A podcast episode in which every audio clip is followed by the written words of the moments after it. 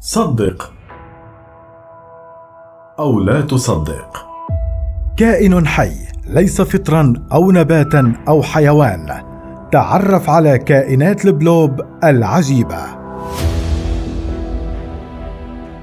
كائنات حية غريبة من نوعها تسمى اختصارا البلوب.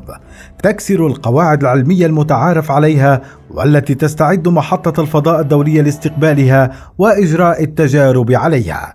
تستعد محطة الفضاء الدولية لاستقبال كائنات غريبة من نوعها وهي كائنات البلوب التي يصعب تصنيفها في خانة معينة أو ضمن نوع أو فصيلة محددة. سيسافر هذا الكائن إلى الفضاء. ليكون محور تجربة تعليمية يديرها رائد الفضاء الفرنسي توما بيسكي.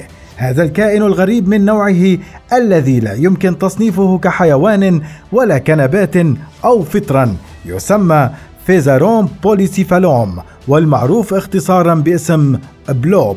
يتكون من خلية واحدة ونواة عدة وهو يشبه كتلة ليفية صفراء. وليس له فم أو قوائم أو دماغ ولكنه يأكل وينمو ويتنقل بحركة بطيئة للغاية ويتمتع بقدرات كبيرة على التعلم.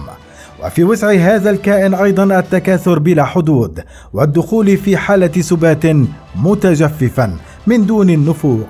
وفي هذه الحالة بالتحديد والمعروفه بالاسلوبه ستصل قطع عدة منه إلى الفضاء. ضمن حمولة شحن موجهة إلى المحطة الدولية. سيقوم عالم الفضاء بيسكي بوضع هذه الكائنات في علب من نوع بي 3 حيث ستخضع لتجربتين.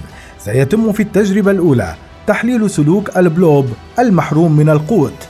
أما التجربة الثانية فستوفر لكائنات البلوب الأكثر حظا مصدرا غذائيا قوامه رقائق شوفان والهدف من هذه التجارب دراسة آثار انعدام الجاذبية على هذه الكائنات.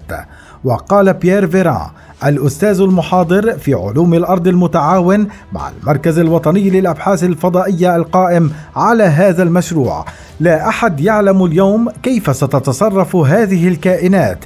في أجواء انعدام الجاذبية وفي أي اتجاه ستتنقل. وقد صرحت أيضا أودري دوستور مديرة الأبحاث في مركز الأبحاث حول القدرات الحيوانية في تولوز الفرنسية والمتخصصة في كائنات البلوب. أنا متحمسة جدا لمعرفة إن كانت ستنمو مع تشكيل طبقات عمودية.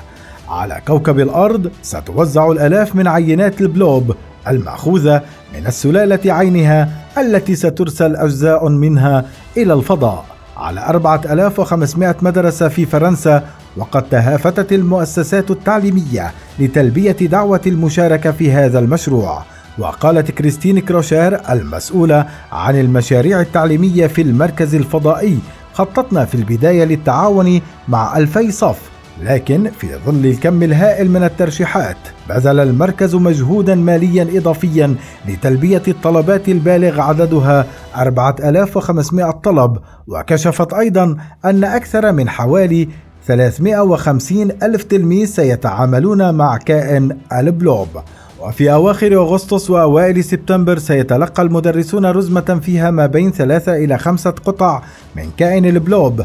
في حالة سبات حضرها فريق أودري دوستور مرفقة بتوجيهات لإجراء الاختبار وعندما سيعيد الرائد توما بيسكي الرطوبة إلى هذه الكائنات في محطة الفضاء الدولية سيقوم التلاميذ بالمثل في صفوفهم. قبل الشروع بمراقبة نمو البلوب وإجراء المقارنة بين وجود الجاذبية وانعدامها.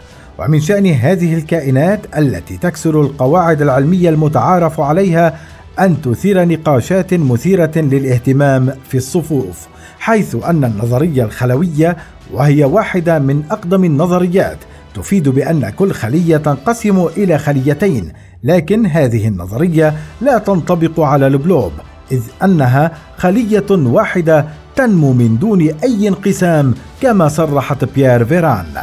ومن غرائب هذه الكائنات أيضا وجود أكثر من 720 نوع جنسيا لديها في حين أن أغلبية الكائنات تقوم على نوعين جنسيين.